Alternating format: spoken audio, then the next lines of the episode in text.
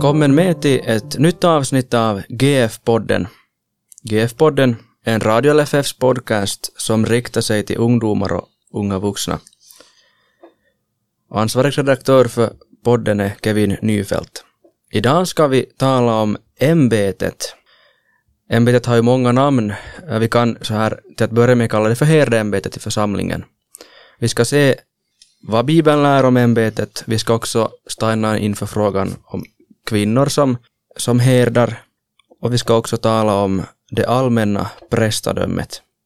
Mitt namn är Lennart Alvik och med mig idag som gäst så har jag Kurt Hellstrand. Guds frid och välkommen. Ja, Guds frid och tack för att jag blev inbjuden. Jag tror att många av lyssnarna känner dig från dina olika uppdrag, men kan du med några ord bara berätta kort vem, vem du är? Nå, lite äldre, äldre folk känner mig säkert för att jag, jag hör ju till de här som har kommit in i pensionsåldern redan.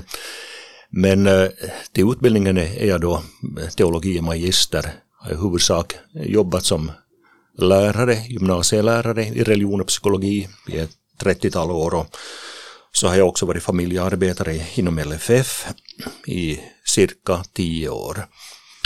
Ehm, och jag blev också kallad till det som vi nu kallar herdeämbetet. Redan 1978, 17 december, så blev jag prästvigd i Borgå domkyrka samtidigt med Markus Ventin från, till exempel Markus Ventin från, från Karleby. Mm. Men eh, jag har inte egentligen haft någon församlingstjänst utan endast fungerat som vikarie då och då.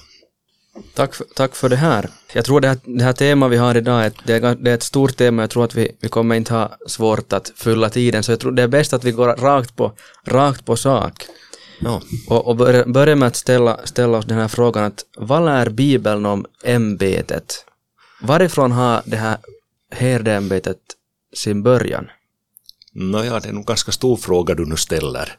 Och om man nu vill veta vad, vad Nya Testamentet säger om, om ämbetet så borde man ju ta sin ansats i apostlaämbetet. Starta med apostlaämbetet om vilket Paulus säger att han håller sitt ämbete högt. Och det är ju eh, en, helt klart en stor upp, uppgift.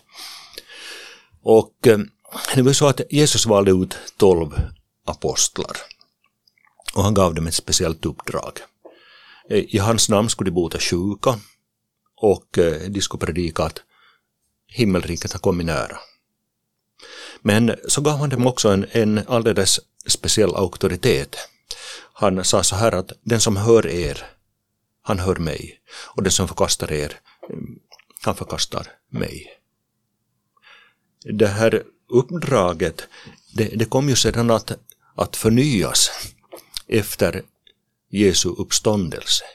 För att Jesu uppståndelse är ju vändpunkten och då, då börjar liksom någonting nytt i historien. Då blir apostlarna utrustade med den helige ande för att de ska vittna om, om Jesu uppståndelse.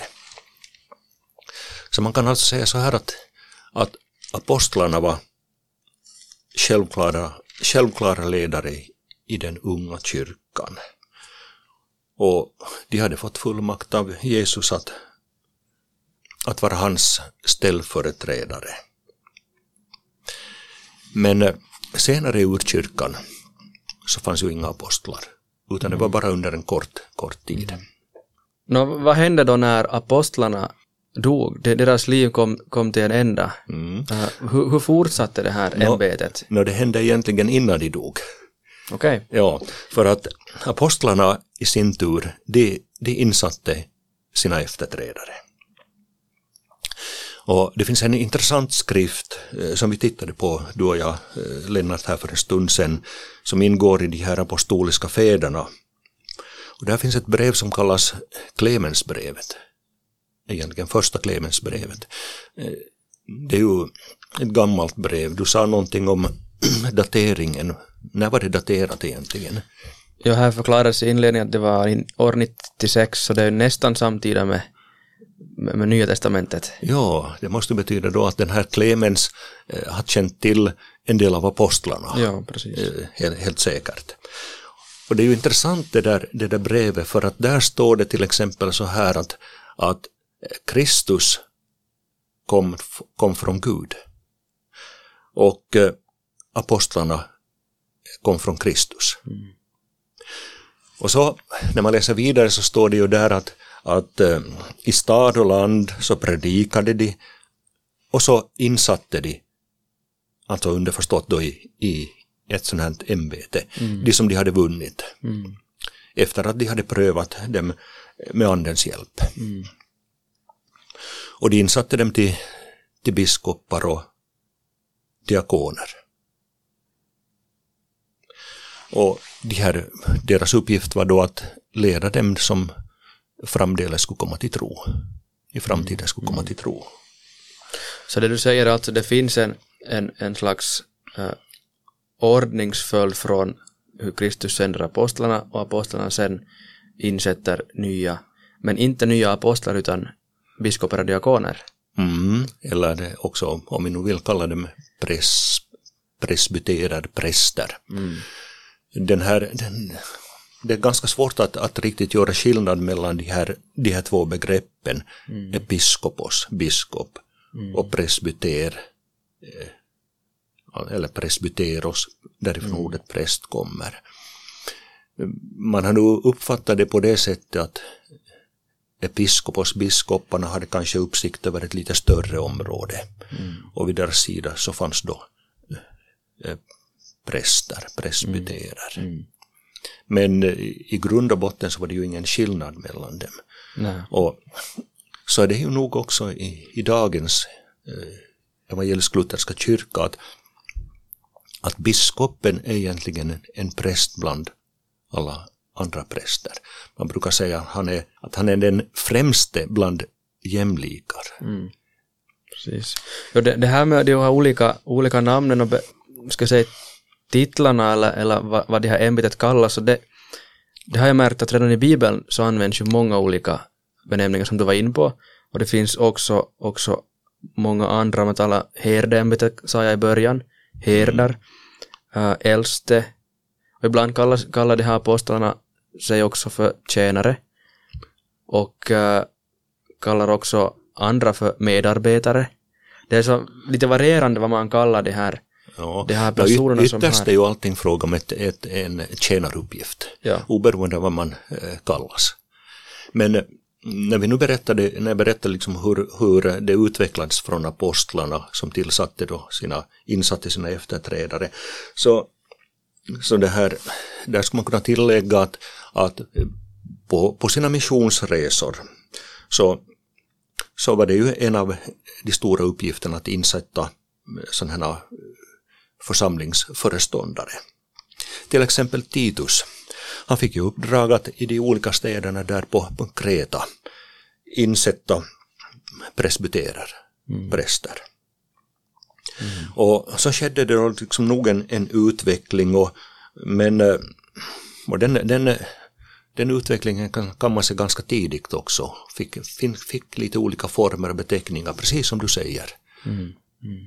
Och till exempel i i Efesierbrevet där i, i det fjärde kapitlet så säger Paulus att, att han, alltså Kristus, han gav några till apostlar, eh, andra till profeter, andra till evangelister och andra till herdar och lärare. Mm. Så här ser vi liksom att, att det har skett en, en definiering eller en, en uppdelning liksom i olika benämningar. Mm. Och om man skulle titta lite närmare på det här, ska vi göra det? Vi kan göra det. Vi ja, göra det. No, vi har ju redan sagt att, att apostlarna, de fanns ju bara under, under apostlatiden, alltså där i alldeles i början av kyrkans tid. Och de var ju Jesu utvalda sändebud med fullmakt att tala och handla på uppdrag av Jesus. Mm. Så det är ju klart. Jag kan än, ännu tillägga, jag kommer att tänka på här i början av apostlagärningarna när de skulle välja en ny apostel efter Judas. Ja. Då hade ju det här kravet att den här aposteln, han skulle ha varit med ända från Jesu dop till hans himmelsfärd, så apostlarna var också vittnen till, till, till Jesu liv och, och, och, och det som Jesus äh, gjorde på, på korset om uppståndelsen och allting. Mm.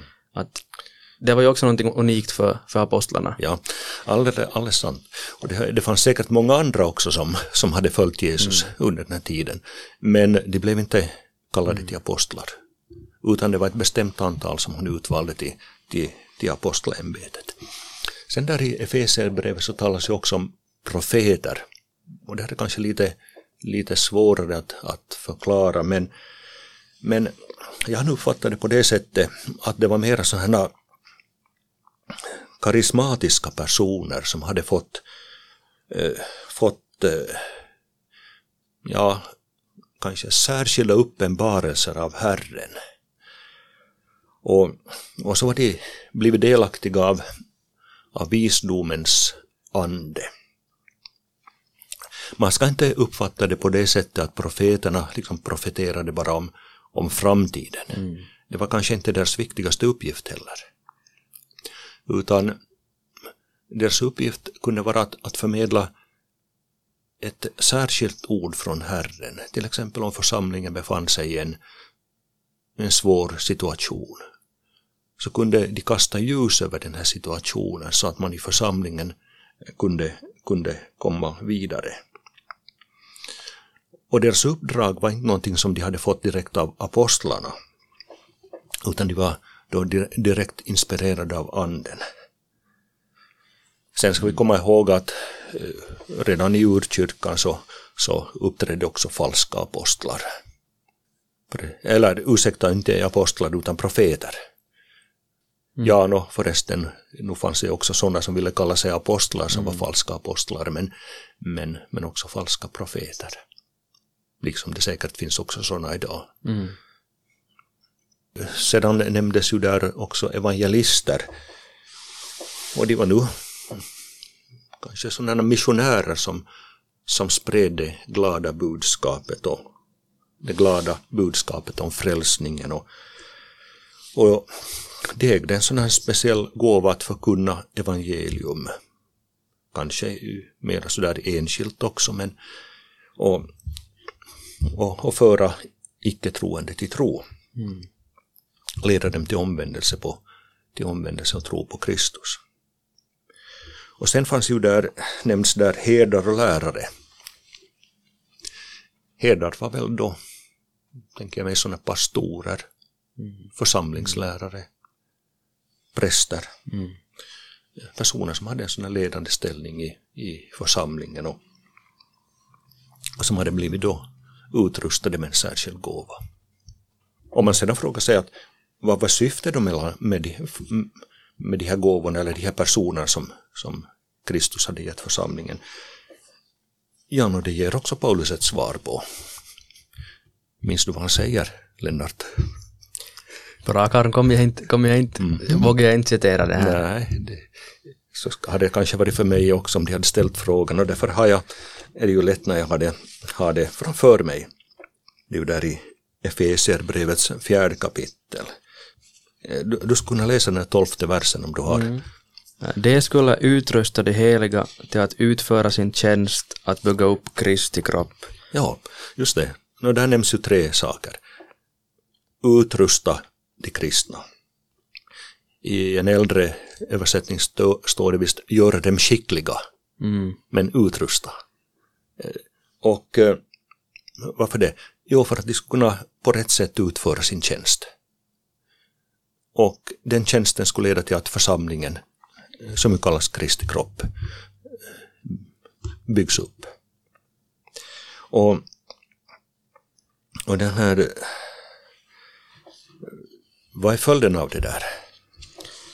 Eh, det fortsätter i trettonde versen. Ja, du skulle kunna läsa det också. Eh, tills vi alla når fram till enheten i tron och i kunskapen om Guds son, till ett sådant mått av manlig mognad att vi blir helt uppfyllda av Kristus. Ja, just det. Så att, så att syftet med de här, de här funktionerna var att, att eh, det skulle skapas en sån här enhet i tron bland de kristna. Mm. Och det är ju en väldigt viktig sak. Mm. Att vi är ett i tro och bekännelse. Och eh, att vi har rätt kunskap om Jesus, om Guds son, och sen eh, manlig mognad, liksom att man inte, inte kastas hit och dit utan mm. att man liksom står stabil och fast i, i tron. Och, och sen var det ännu en fjärde sak. Vad var det? Att vi blir helt uppfyllda av Kristus. Ja, helt uppfyllda av Kristus, ja.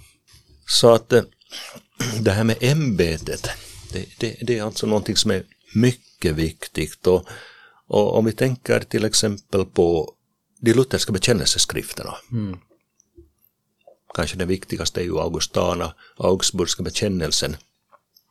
Där nämns ju, re, sammanfattar man kort i några artiklar, ett antal artiklar, vad som är det centrala i tron. Och det talas om Gud, Guds son, synden, rättfärdiggörelsen. Och det intressanta är att innan man kommer in på, på dopet och nattvarden så nämns predikoämbetet. Mm. Det, kom, det kommer väldigt tidigt mm. där i. Mm, det är någonting mycket, mycket centralt. Ja, just också det, det, att eftersom det, det finns där i samband med, med rättfärdiggörelsen så det är ju också en, en visar ju också på hur, hur det på ett sätt handlar om, om frälsningen, det här med ämbetet, för att det genom predikan mm. och, och Guds ord som predikas så det är ju där som frälsningen räcks till oss och ges mm. till oss att, att ta, tas emot i tro.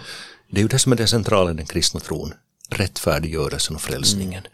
Som då nämns i, i den där artikeln, den artikel 4. Och, och strax efter så kommer ju då det, det här om predikoämbetet. där det står att för, vi, för att vi ska få denna tro, alltså den rättfärdiggörande, frälsande tron, har evangelieförkunnelsens och sakramentförvaltningens ämbete inrättats. Mm. Och så fortsätter, ty genom ordet och sakramenten såsom genom medel skänks den helige Ande. Mm. Vilken hos den som hör evangelium frambringar tron och, och så vidare. Mm. Jag, tänk, jag, kommer att tänka på det här äh, bibelstället i Romarbrevets tionde kapitel Ty var och en som åkallar Herrens namn ska bli frälst. Men hur skulle de kunna åkalla den som de inte har kommit till tro på? Och hur skulle de kunna tro på den som de inte har hört? Och hur skulle de kunna höra om ingen predikar? Och hur skulle några kunna predika om de inte blev utsända? Det står skrivet, hur ljuvliga är inte stegen av dem som förkunnar det glada budskapet. Mm, ett mycket centralt ord. Vad, vad tänker du när, du när du läser det där? Jag, jag, att jag, jag ser här det här att, att Paulus liksom vill, vill visa oss tillbaka på, på hur viktigt det är att det är någon som blir utsänd mm. och predika. Uh, för, för i sista hand handlar det om det att, att hur, hur ska någon få veta om och få höra evangeliet om ingen blir utsänd? Mm, här bara lite så inom parentes, det här ordet predika är ju ganska intressant i, i Bibeln. För att det ordet betyder egentligen att man skapar droppar.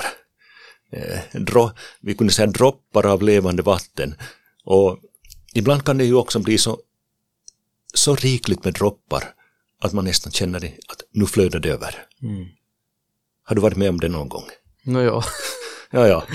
När du har lyssnat eller när du själv har förkunnat när, när jag har lyssnat att det... Närmast så, ja. ja. ja. ja men det, det, är just det här att, att man skapar droppar och så blir det mer och mer som fylls, mm. fylls i det där kärlet. Mm. Det finns ju en, en äh, skrift av Luther som kallar, heter Kyrkan och koncilierna. Mm. Kyrkan och koncilierna. Mm. Och i, det där, i den där skriften så finns en uppräkning av kyrkans sju kännetecken. Mm. Det som ska utmärka den kristna kyrkan. Det femte av dem är ämbetet. Minns du något vilka de andra är? Eh, det börjar med, med ordet, Japp. och sen har vi dopet, ordet, dopet, nattvarden, bönen. Eller bikten kommer. Bikten där. Ja, eller nyckel, nyckelmakten, ja. bikten, ja. Sen har vi ämbetet, mm. bönen, gudstjänsten och korset. Ja, du, du kommer ihåg dem alla. Bra som lärare skulle jag ge det ett bra vitsord. och eh, ja, där, där talar Luther då om det femte kännetecknet som är ämbetet, det heliga ämbetet och ämbetsbärarens uppgift att frambära evangeliet och förvalta sakramenten. Det handlar alltså om att undervisa, döpa och dela ut nattvarden och förlåta synder och, och så. Okej, om, vi, om vi har det här som bakgrund då när vi sen går över till, till nästa fråga, som är den här frågan som, som ju väcker ganska mycket diskussioner och, och vi, vi ska säga det, det kan ibland vara svårt att förstå för en, en nutidsmänniska varför den kristna kyrkan och Bibeln så att säga begränsar det här ämbetet till, till vissa män. Med, med att jag säger det här så har jag ju redan sagt så att säga vad Bibeln säger, så här kort vad Bibeln säger, alltså att, att det finns en ordning i, när det gäller ämbetet. Och det är att det, det är män som, dugliga män som prövas och, och kallas till, till herdar eller pastorer. Men om vi går lite djupare och funderar på här och och ser att vad, vad finns det för grund för den här ordningen? Varför, varför vill vi som hålla fast vid att, att det är bland männen som Kristus kallar till, till det här ämbetet? Ja, den här frågan den är, den är nu mycket omdiskuterad idag och eh, den, den är nog svår att förstå för en, en vanlig eh, modern människa. Varför skulle inte kvinnan lika väl kunna, kunna fungera som präst? Och med kvinna med gedigen utbildning och, och många andra, andra utrustade med andra, många, många andra gåvor. Men nu är det så här att ända från skapelsen så finns det en gudomlig ordning. Och den gudomliga ordningen, den gäller för alltid. Och till den ordningen hör att, att det, det finns en, en skillnad mellan man och kvinna. Inte på det sättet att de ska vara av olika värde inför Gud. Det har ingenting med värde, värde att göra. Utan det, det är helt enkelt en ordningsfråga. Där mannen är, en, är det här kvinnans huvud. Paulus använder ett ord just som betyder huvud, kefale. Och därifrån kommer ju vårt ord chef. Eh, Han sätter liksom ett, ett större krav på mannen. Mm. Och, och, och. Men, men den här gudomliga ordningen, det finns ända från skapelsen. Och till exempel där i första Korintierbrevet 11. Du skulle kunna slå, slå upp det där, där i första Korintierbrevet 11. Där talar Paulus, ja, hur står det nu? Eh, tredje versen. Tredje versen, ja. Jo. Och nu vill jag att ni ska veta att Kristus är varje mans huvud och mannen är kvinnans huvud och att Gud är Kristi huvud. Ja. Ja, så det finns en, en, en sån här ordning. Och i samma kapitel talar ju då Paulus om att, om att kvinnan ska tiga i församlingen. Det här är ju en del mm, menat att hon inte, betyder att hon inte får alls öppna sin mun i församlingen, men eh, det handlar ju om, om att hon inte ska, ska inta den, den undervisande ställningen i, i, i den offentliga gudstjänsten. Och det, det är ju intressant att Paulus i samma veva som han säger att kvinnan ska tiga, så ger han henne rätt att tala. Mm. Hon får till exempel be offentligt. Mm. Eh, Hon får profetera. Mm. Mm. Och det finns många, många kvinnor i Bibeln som hade en profetisk gåva. Hanna till exempel i Gamla Testamentet. Mm. Och i Apostlagärningarna så nämns ju en, var han evangelist, kallas han evangelisten Filippos. Ja, jag vill minnas det att Ja, han kallar sig Han hade ju evangelist. eh, fyra ogifta döttrar som alla hade profetisk gåva. Mm. Och hade den profetisk gåva så antar jag nog att de också använde den. Mm, precis. För gåvorna, gåvorna ska ju användas. Precis. Så att de, så det finns, det finns ju många exempel på kvinnor också som hade en profetisk gåva. Mm. Om jag nu, jag vet att till exempel i, i, i den lästadianska väckelserörelsens början så var det inte alldeles ovanligt att, att kvinnor också kunde profetera. Mm. Till exempel när August Jern predikade i Haparanda någon gång ska det ha varit i början av 1900-talet kanske där, där runt, jag minns inte exakt, eh, så var det en, en kvinna som väldigt starkt profeterade. Och nu har jag hört också, nu har jag minnen också från min ungdom där en kvinna kunde höja sin röst med ett profetiskt budskap i ett, i ett bönehus. Mm. Och ingen, ingen ska komma med på tanken och säga att håll tyst. Mm, För de visste att det var ett budskap från Herren. Men hon, hon visste att hon var inte kallad till att vara predikant. Mm. Eller absolut inte präst. Mm. mm. Men hon fick ett profetiskt budskap. Mm. Det, det är där som är, du får rätta mig om jag har fel, men jag brukar tänka på det så här, på det här sättet att när, när det gäller liksom profetisk gåva eller profet, det, det, här, det här profetiska, det är ju ingenting som man kan så att säga äh, välja någon till. Att nu ska du vara profet i församlingen, utan det, det är någonting som så att säga den här personen hamnar i. Men när det gäller till exempel lärare så är det ju att, vi, att i församlingen så, så kallar vi någon att vara lärare. Mm. Är det här någonting som, som, som du tror håller? Alltså att, att det, det finns en skillnad mellan det här profetiska som, ja. som vi så att säga vi inte kan kalla någon till. Mm. Ja, det, det, är precis som du säger, att man, man kan kallas till, till, till vissa, vissa fun, funktioner. Eh, men, men det här, just det profetiska, det, det är en, en eh, andegåva. Mm.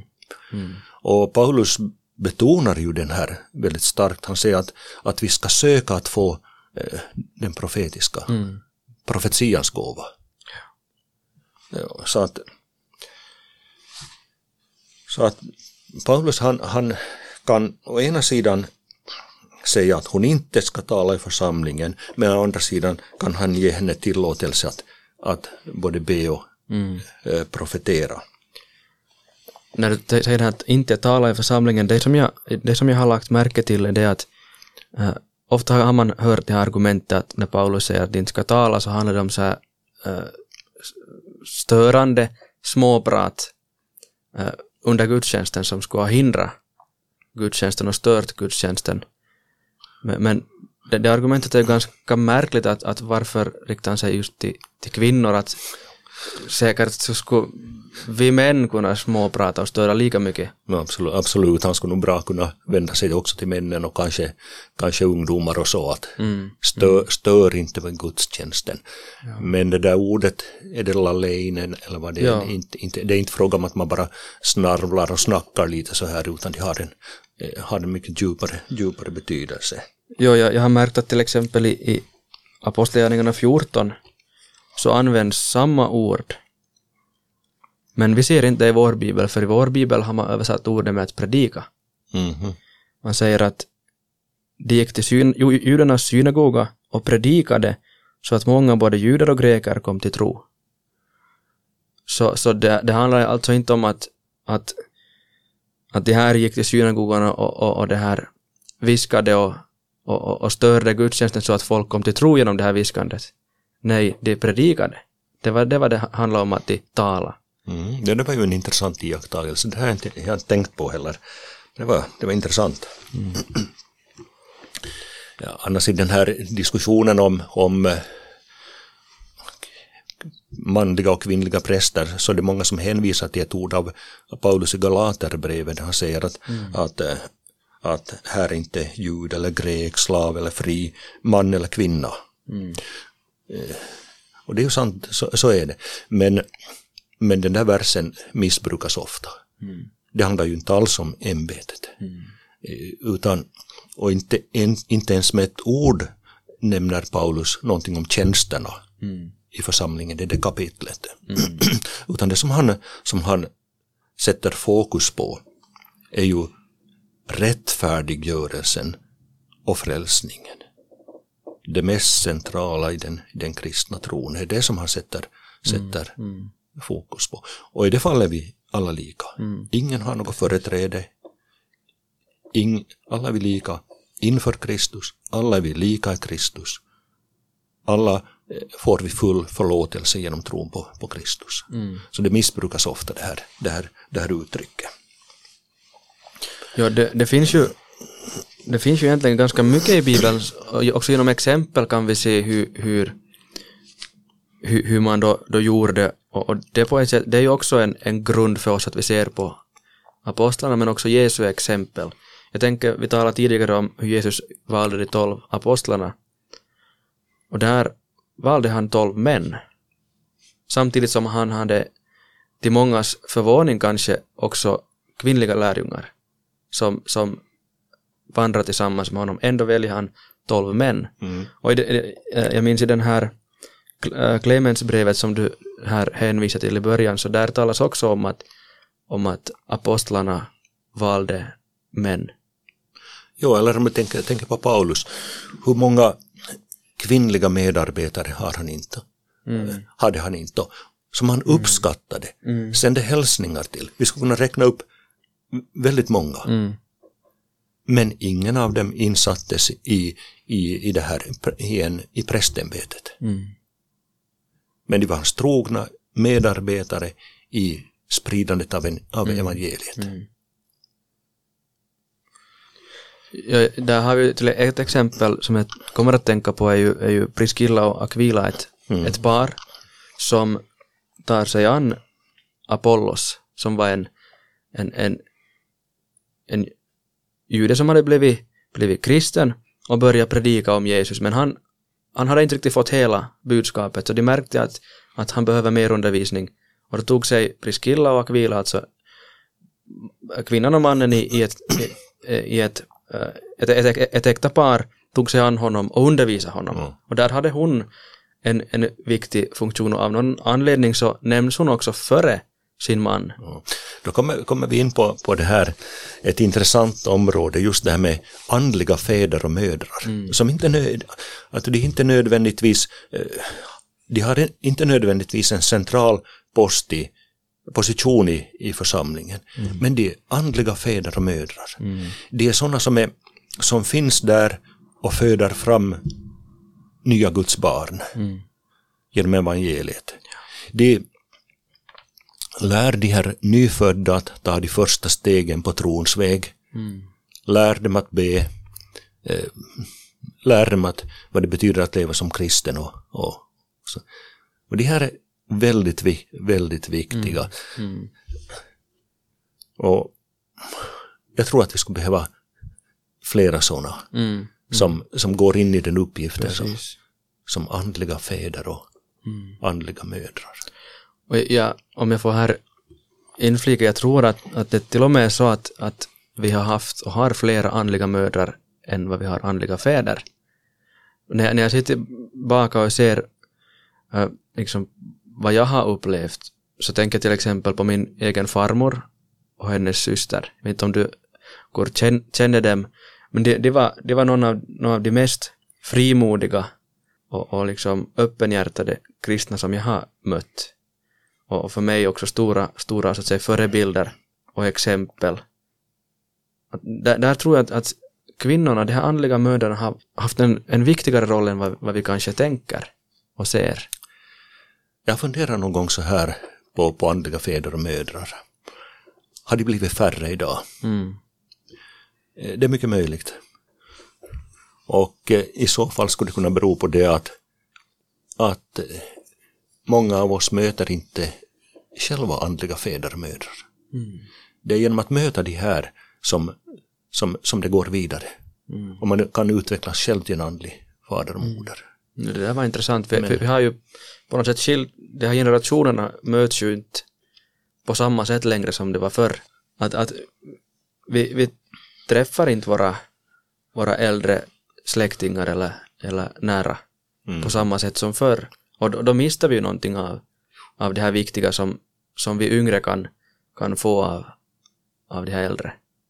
Eh, Till de här, som, till de här andra som, som nu lyssnar så skulle man kunna säga ännu då vi var inne på det här med vad Paulus säger om, om, eh, om det, ämbetet så skulle man kunna, den som vill fördjupa sig kan läsa första Korintierbrevet 14.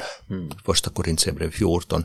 Där talar för Paulus fram fyra skäl till varför en kvinna inte kan kan, kan vara präst.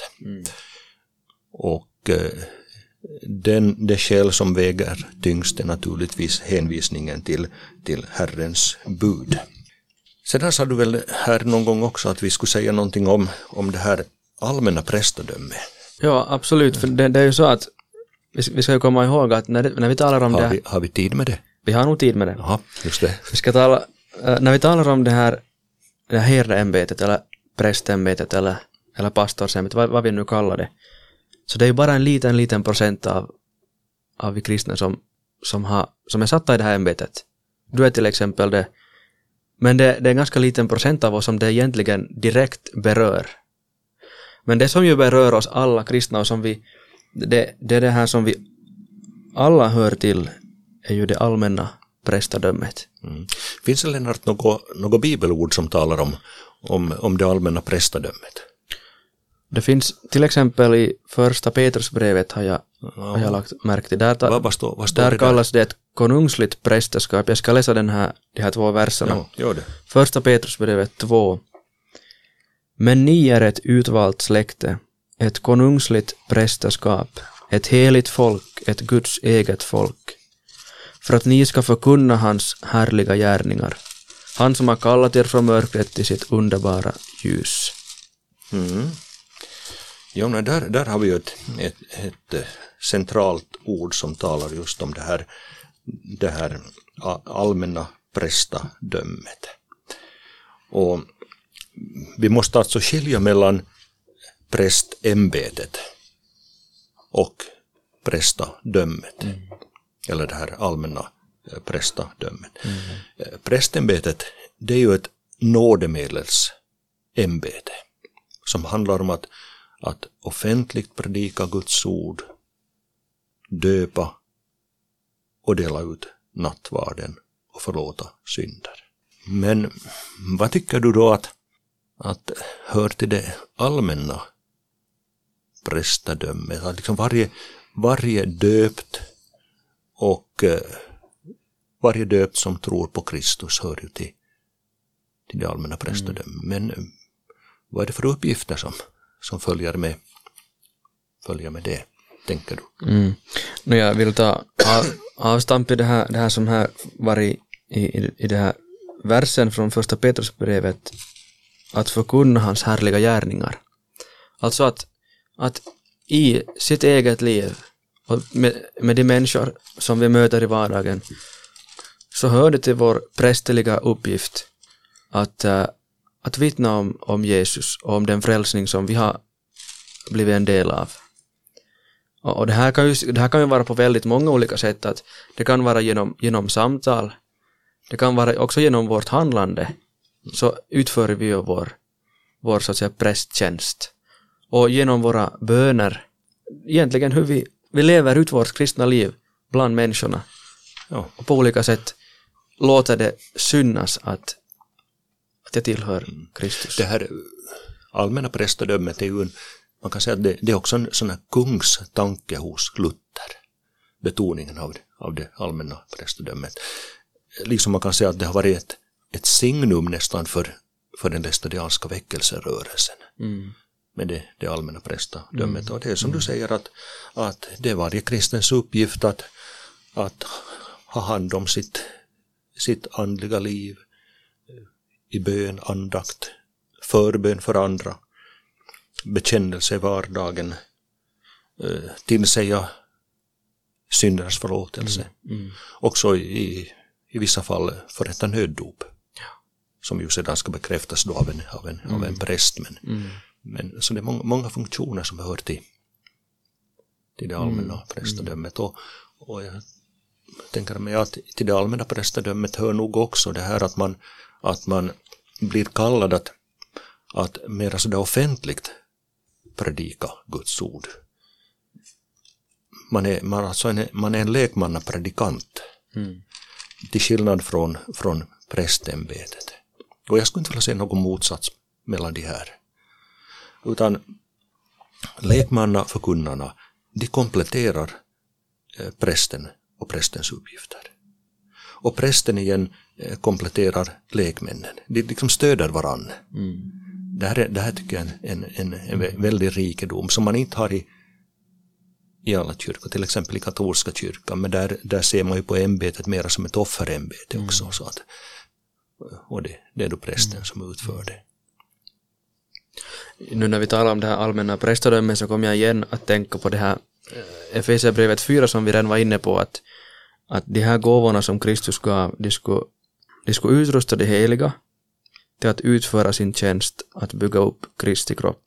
Och det här tycker jag är viktigt, det här ordet utföra sin tjänst, alltså det heligas tjänst, det är inte det, är inte det här eh, den som är i, i, i herdeämbetet, det är inte han som uppbygger Kristi kropp enligt det här ordet, utan det är hans uppgift är att, är att utrusta de heliga så att de ska så att de ska bygga upp Kristi kropp. Och det här tror jag nog är en, en, liksom, en viktig, viktig sak att, att lägga på minnet att, att det är inte pastorn eller herden som bygger upp Kristi kropp, utan det är, det, det är Kristi kropp själv som blir utrustad. Och det där skulle kunna vara den, den stora utmaningen att ta till sig för varje, var och en som lyssnar mm. just nu, det som du säger. Mm. Att vad är, vilken är min, min uppgift? Mm. Där tjäna och bygga upp mm. Kristi kropp. Och att liksom i, i ödmjuk bön gå inför Gud och fråga sig att vilken är min, min uppgift? Vi har nu talat om ämbetet och, och vad Bibeln säger om, om, om en kvinna kan vara präst och vi har konstaterat att enligt Bibeln så, så kan inte en kvinna fungera i prästämbetet. Men vad kan, då, vad, vad, kan då kvinnan göra i församlingen? Vad är kvinnans uppgift? Vi var lite in redan på det här med andliga mödrar, men finns det andra uppgifter? Det finns det säkert. Ja, det är mycket, det är mycket som en kvinna kan göra i, församlingen och, och som en kvinna ska göra. Vi kan, vi kan lätt hamna i fel dike på det sättet att vi, att vi liksom förbjuder kvinnan alla, nästan, nästan alla uppgifter i församlingen. Mm. Men då går mycket förlorat. Så att vi behöver både frimodiga män och kvinnor som tar sin kallelse på allvar och, och, och går in i de uppgifter som Gud visar på. Men vad kan hon då göra? Ja, naturligtvis eh, i den personliga själavården är hon mycket viktig. Eh, vi talar ju om de här andliga mödrarna. Mm. Eh, hon kan delta i evangelisationsarbete, sprida det glada budskapet. Hon kan fungera i bön för andra. Hon kan inneha ett ämbete som vi kallar diakonämbetet. Mm. Och i urkyrkan känner ju inte till något annat ämbete för kvinnan än diakonissans. Mm. Det, det, finns ju där. Hon kan vara helt bra lärare för barn, unga, barn och unga, till exempel i söndagsskola och på läger och så här. Hon kan fungera som tolk. Jag tycker, och författare av andliga betraktelser. Och jag skulle också våga säga att hon får höja sin röst i församlingen om undervisningen går stick i stäv med den heliga skrift. Mm. Då får hon höja sin röst. Så nu finns det uppgifter. Det finns uppgifter. Det här, det, här, var ju bara ett, det här var ju bara ett litet axplock. Mm. Och vi, vi, kan ju också påminna att, att de här, många av de här uppgifterna gäller ju också män som inte är i, i, i herdeämbetet. Det, det gäller ju, alltså vi, vi alla har ju, som vi har varit inne på, uppgifter såsom ett konungsligt prästerskap. Det är det som vi inte får glömma bort, att, att det här medför också många uppgifter för oss. Ja. Finns det någonting ännu du vill, du vill tillägga? Kanske så här att jag vill nu, vill nu lyckönska alla, alla som, som har, blivit utvalda och hör till det konungsliga prästerskapet. Och att vi mm, tar i bön inför Gud tar vår uppgift på allvar och frågar oss vad är, vad är då min, min uppgift mm. i det här sammanhanget? I att bygga upp Kristi kropp. Mm. Uh, tack för det här. Vi har nu försökt tala lite om det här med, med ämbetet i Bibeln. Vi börjar med att, att se på vad, vad Bibeln säger om ämbetet. Det går tillbaka till Kristus som kallar och sänder apostlar. Det har sen gått vidare, det har gått vidare i, i kyrkan efter apostlarna. Vi har sett på eh, vad Bibeln säger om kvinnor som präster och så har vi talat om det allmänna prästadömet som vi alla döpta och troende kristna hör till. Det är omöjligt att säga allt om det här ämnet på, på en så här kort stund. Så vi tänker till sist att vi skulle ge några tips på var, vad det finns för litteratur om man vill ännu fördjupa sig i det här, i det här temat. Har du nu någonting som du vill tipsa om till lyssnarna att, att, att läsa? Jo, det har jag. Jag börjar med Bibeln. Läs, läs vad Bibeln säger. Mm. Men sedan finns det ju många, många som också har, har fördjupat sig i Bibeln och, och gett ut större eller mindre skrifter. Till exempel Bo Giertz har ju en, en bra sammanfattning som han, ja den heter väl Att tro som apostlarna. Mm. Det är en sån här liten skrift. Mm. Och eh, så har vi ju den här boken av Rune Imberg. Den om man och kvinna i den kristna kyrkan. Mm. Den, är, den är också bra tycker jag. Så har ju då Vesa Pöyhteri skrivit en bok, den finns både på svenska och också över, eller den skrivs på finska och översatt till svenska och där han talar om, tar upp det med herdeämbetet bland mm. annat, det finns lite annat också nog. Så finns ju den här boken Kristi kyrka som Bo Giertz skrev redan på, alltså biskop Bo Giertz skrev den kanske på 40-talet, 1940-talet, den, den är också bra. Vad har, vi, vad har vi annat som man skulle kunna rekommendera? Om vi fortsätter på Bo Giertz så skrev han också en, en liten skrift som har rubriken 23 teser om kvinnliga präster. Och den här kan man hitta faktiskt på nätet, man kan läsa den på nätet om man söker på Bo Giertz 23 teser. Bra, det ska jag göra för jag, det har jag inte, den har jag inte läst. Det har jag inte läst. Just det. Sen en liten, liten, liten skrift som jag också har hittat som jag har haft stor glädje av är Eh, det som Timo Lato och Matti Väisänen har skrivit. Som heter vem, Bibeln, är vem är de då? Bibeln och her, herdeämbetet. Vem är de två? Uh, Timo Lato, han, han är präst i bedjerörelsen. Ja. Och Matti Väisänen, han var länge generalsekreterare i Folkmissionen och så blev sen biskop i, i Lutherstiftelsen. Stämmer. Så de har, de har det här skrivit en, en ganska kort men väldigt innehållsrik bok om Bibeln och herdeämbetet. Jo, jag har den där och jag tycker den är nog att rekommendera. Så med det här så vill ni fördjupa er mera så studera Bibeln och sök kanske fram några av de här böckerna. Där tror jag ni hittar många bra svar. Jag vill tacka dig Kurt för att du har varit med och var villig att ställa upp och tala om det här viktiga ämnet. Tack till er lyssnare som har varit med. Om ni har frågor eller kommentarer får ni gärna skicka in dem till oss via Instagram eller e-post. Vi är tillbaka med ett nytt avsnitt om två veckor.